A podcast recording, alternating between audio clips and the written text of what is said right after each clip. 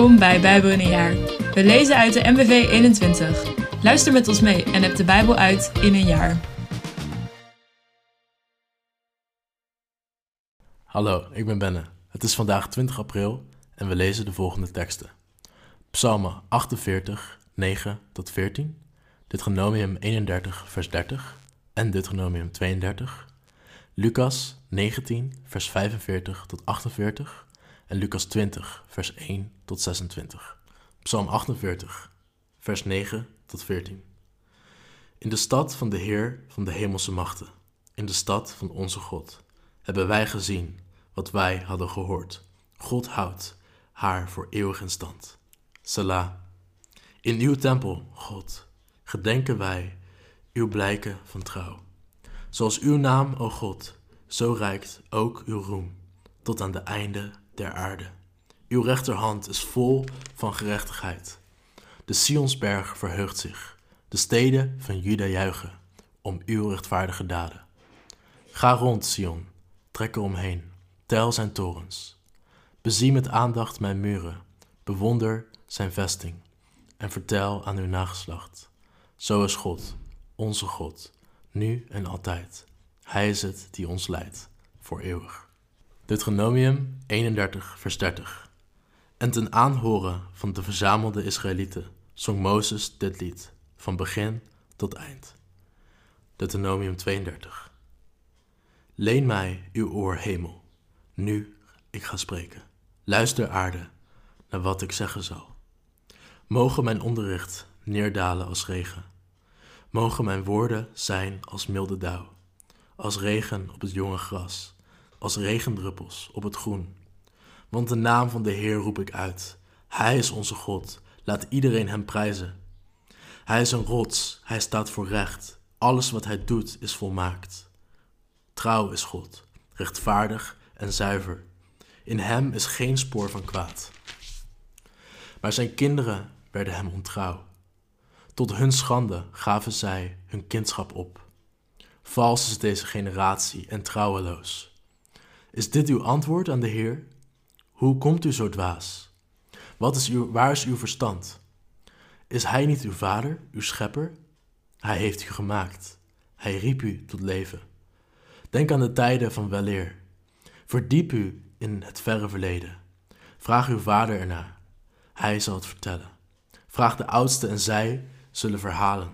Toen de Allerhoogste land toewees aan elk volk en de mensen ieder hun deel gaf bepaalde hij de grenzen voor alle volken, naar het aantal nazaten van Israël. Want voor de Heer gold dat volk als het zijne. Jacob was het deel dat hij zichzelf toemat. Hij vond het in een dorre woestijn, in een niemandsland vol van gevaar. Hij omringde het met zorg en met liefde, koesterde het als zijn oogappel. Zoals een arend zijn nest beschermt en boven zijn jongen zweeft, zo spreidde de Heer zijn vleugels uit en droeg zijn volk op zijn wieken. De Heer alleen leidde hen, geen andere God stond hem bij. Hij voerde het over de hoogste bergen.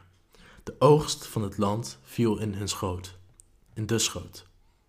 Hij laafde hen met honing uit de, rotste, uit de rotsen, met olijfolie uit steenharde rots, met melk van koeien en geiten, met vlees van Bassans rammen met vet van lammeren en bokken, met de fijnste bloem van tarwe en met wijn, het bloed van druiven.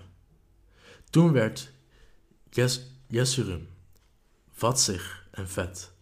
Het raakte verzadigd, werd dik en rond.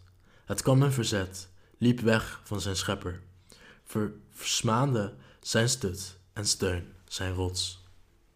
Ze tergden hem met vreemde goden, met gruwelijke beelden krenkten ze hem. Ze brachten offers aan demonen, aan goden die geen goden zijn, goden die zijn eerst niet kenden, nieuwkomers, nog maar net in zwang, die voor hun voorouders niet eens bestonden. U vergat de God die u gebaard heeft. U verwierp de rots die u ter wereld bracht. Toen de Heer zag wat u deed, bemerkte hoe zijn kinderen hem krenkten ontstak hij in hevige toorn en zei: Ik zal me van hen afkeren en dan eens zien hoe het hun vergaat. Want dit is een verdorven generatie. Niemand van hen is te vertrouwen. Ze tergden mij met wat geen God is en krenkten mij met hun nietige afgoden. Daarom terg ik hen met wat geen volk is. Ik krenk hen met een volk zonder verstand. Als het vuur van mijn toorn is ontstoken, zal het branden tot in het diepste dodenrijk. Het zal de aarde verschroeien en alles wat er groeit. Het zal de grondvesten van de bergen verteren. Ramp na ramp breng ik over hem. Al mijn pijlen schiet ik op hen af. Honger zal hen uitmelgeren, de pest hen verteren. Ziekte zullen hen te gronde richten. Ik geef hen ten prooi aan wilde dieren. Giftige slangen laat ik hen bijten. Buiten eist de oorlog zijn tol. Binnen heerst de angst voor de dood. Niemand wordt ontzien, man noch vrouw, jong noch oud. Ik zou hen wel willen vervagen, elke herinnering aan hen willen uitwissen. Maar ik vrees de hoon van hun vijanden. Die zullen immers de feiten verdraaien, de overwinning voor henzelf opeisen en de hand van de Heer daarin ontkennen. Zo kortzichtig zijn die vijanden. Het ontbreekt hun aan elk begrip. Waren ze wijs, dan hadden ze inzicht en begrepen ze hoe het hunzelf zou vergaan. Want hoe zouden zij met één man duizend van jullie kunnen achtervolgen, met twee er tienduizend verjagen, als de Heer jullie rots je niet uitleverde? Jullie vijanden zullen het erkennen. De rots waarop zij steunen is niets naast jullie rots. De wijn die ik hun te drinken geef is afkomstig van Sodoms wijnstok. Hij komt uit Gomorra's wijngaarden. Bittere, giftige druiven brengen die voort. De wijn ervan is vol venijn, dodelijk als het gif van slangen. Ik heb dat allemaal bewaard, het opgeborgen in mijn schatkamers. Het is aan mij om wraak te nemen. Ik zal hun kwaad vergelden, wanneer aan hun voorspoed een einde komt. Want de dag van hun ongeluk is nabij. Hun noodlot komt onafwendbaar op hen af. Want de Heer zal zijn volk recht doen. Hij ontfermt zich weer over zijn dienaren. Als hij ziet dat alle krachten hun begeven en weldra iedereen bezwijkt, zal hij zeggen: Waar zijn je goden nu? Waar is de rots waarop je steunde? Hebben ze niet het vet van je offers gegeten? Niet gedronken van de wijn die ze je aanbood? Die je ze aanbood? Laten die goden je dan te hulp schieten. Laten zij een schuilplaats voor je zijn. Zie het toch in. Ik ben de enige. Naast mij is er geen andere God. Ik laat sterven. Ik geef leven. Ik sla wonden, ik genees. Wanneer ik mijn macht laat gelden, is er niemand die redding bieden kan. Ik hef mijn hand op naar de hemel en zweer, zo waar ik eeuwig leef. Ik wed mijn bliksemend zwaard. Ik ga het vonnis voltrekken. Ik zal mij wreken op mijn vijanden. Ik reken af met, met wie mij haten. Mijn pijlen maak ik dronken van het bloed. Van vijanden gevallen en gevangen. Mijn zwaard verslindt het vlees van hun mannen, die zo dreigend hun haren hebben losgeworpen. Laat alle volken zijn volk toejuichen, omdat hij het bloed van zijn dienaren wreekt. Hij neemt wraak op zijn vijanden, en de schuld van zijn land en zijn volk wist hij uit. Heel dit lied heeft Mozes samen met Jozua, de zoon van Nun, gezongen ten aanhoren van het volk. Toen Mozes zijn toespraak tot heel Israël beëindigd had, besloot hij: Neem mijn waarschuwingen ter harte en draag ook uw kinderen op om zich strikt te houden aan de wetten waar u onderwezen bent. Want het gaat hier niet om iets onbeduidends. Het is een zaak van levensbelang. Als u er gehoor aan geeft, zult u lang leven in het land aan de overkant van de Jordaan, dat u in bezit zal nemen. Mozes zegen en zijn dood. Op diezelfde dag zei de Heer tegen Mozes: Ga het Abrimgebergte in en beklim de Nebo, die in Moab ligt, tegenover Jericho. Daar kun je uitkijken over Canaan, het land dat ik de Israëlieten in bezit ga geven. Op die berg zul je sterven en met je voorouders verenigd worden zoals je broer Aaron op de hoor stierf en met zijn voorouders werd verenigd. Want bij het water van de Meribad Kades, in de woestijn van Sin, kwamen jullie tegen mijn opstand. In het bijzijn van heel Israël toonden jullie geen ontzag voor mijn heiligheid. Alleen van een afstand zul je het land zien dat ik hun zal geven. Je zult het niet binnengaan. Lucas 19, vers 45 tot met 48. Hij ging naar de tempel, waar hij de handelaars begon weg te jagen. Met de woorden: Er staat geschreven: Mijn huis moet een huis van gebed zijn. Maar jullie hebben er een rovershol van gemaakt. Dagelijks gaf hij onderricht in de tempel. De hoge priesters, de schriftgeleerden en de leiders van het volk wilden hem uit de weg ruimen. Maar ze wisten niet hoe ze dat moesten doen, want het hele volk hing aan zijn lippen. Lucas 20, vers 1 tot en met 26. Jezus in de tempel belaagd. Op een dag van de dagen dat Jezus het volk in de tempel onderricht gaf en er het goede nieuws verkondigde, kwamen opeens de hoge priesters en de schriftgeleerden samen met de oudsten op hem af en vroegen hem: Op grond van welke bevoegdheid doet u die dingen? En wie heeft u de, de bevoegdheid gegeven? Zeg ons dat eens. Jezus antwoordde: Ook ik zal u iets vragen, waarop u antwoord moet geven. Doopte Johannes in opdracht van de hemel of in opdracht van mensen? Ze overlegden met elkaar. Als we zeggen van de hemel, zal hij zeggen: Waarom hebt u dan hem niet geloofd?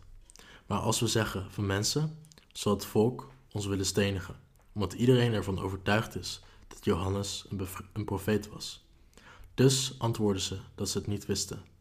Daarop zei Jezus tegen hen: Dan zeg ik u ook niet op welke grond, van welke bevoegdheid ik die dingen doe. Hij vertelde de menigte de volgende gelijkenis. Een man legde een wijngaard aan en verpachtte die aan de wijnbrouwers, waarna hij voor geruime tijd op reis ging. Toen de oogsttijd was aangekomen, stuurde hij een knecht naar de wijnbrouwers om zijn deel van de opbrengst in ontvangst te nemen. Maar de wijnbrouwers mishandelden hem en stuurden hem met lege handen weg. Daarna stuurde hij een andere knecht. Ook die werd afgeranseld. En nadat ze hem hadden vernederd, stuurden ze ook hem met lege handen weg. De eigenaar stuurde toen een derde, derde knecht, maar ook die werd afgetuigd en de wijngaard uitgegooid. Toen, de eigenaar van de wijngaard, toen zei de eigenaar van de wijngaard: Wat moet ik doen? Ik zal mijn geliefde zoon naar hem toesturen. Voor hem zullen ze toch wel ontzag hebben. Toen de wijnbrouwers hem zagen, overlegden ze met elkaar: Dat is de erfgenaam. Laten we hem doden. Dan is de erfenis voor ons. En ze gooiden hem de wijngaard uit en doodden hem. Wat zal de eigenaar van de wijngaard nu met hen doen? Hij komt zelf. Hij doodt de wijnbrouwers en geeft de wijngaard aan anderen. Toen de mensen dit hoorden, zeiden ze: Dat nooit. Maar hij keek hen aan en vroeg: Wat betekent dan wat er geschreven staat? De steen die de bouwers afkeurden, is de hoeksteen geworden. Iedereen die over die steen struikelt, valt te pletter.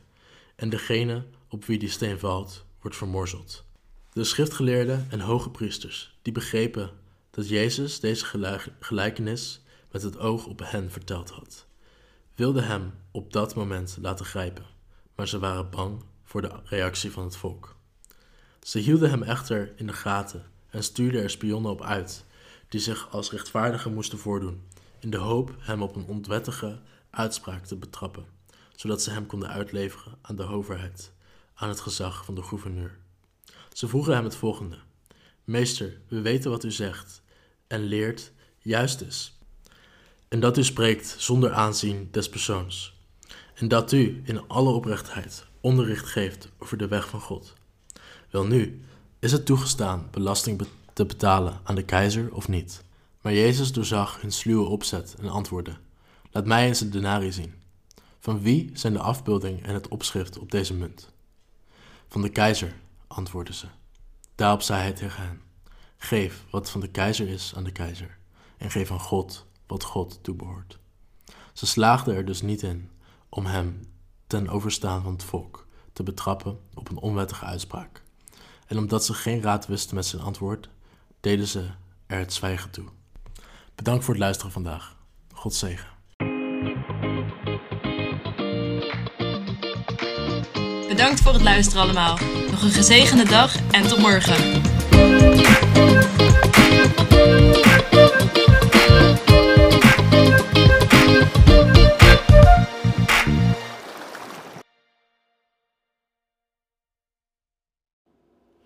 Met dank aan het Nederlands-Vlaams Bijbelgenootschap voor het gebruik van de MBV 21.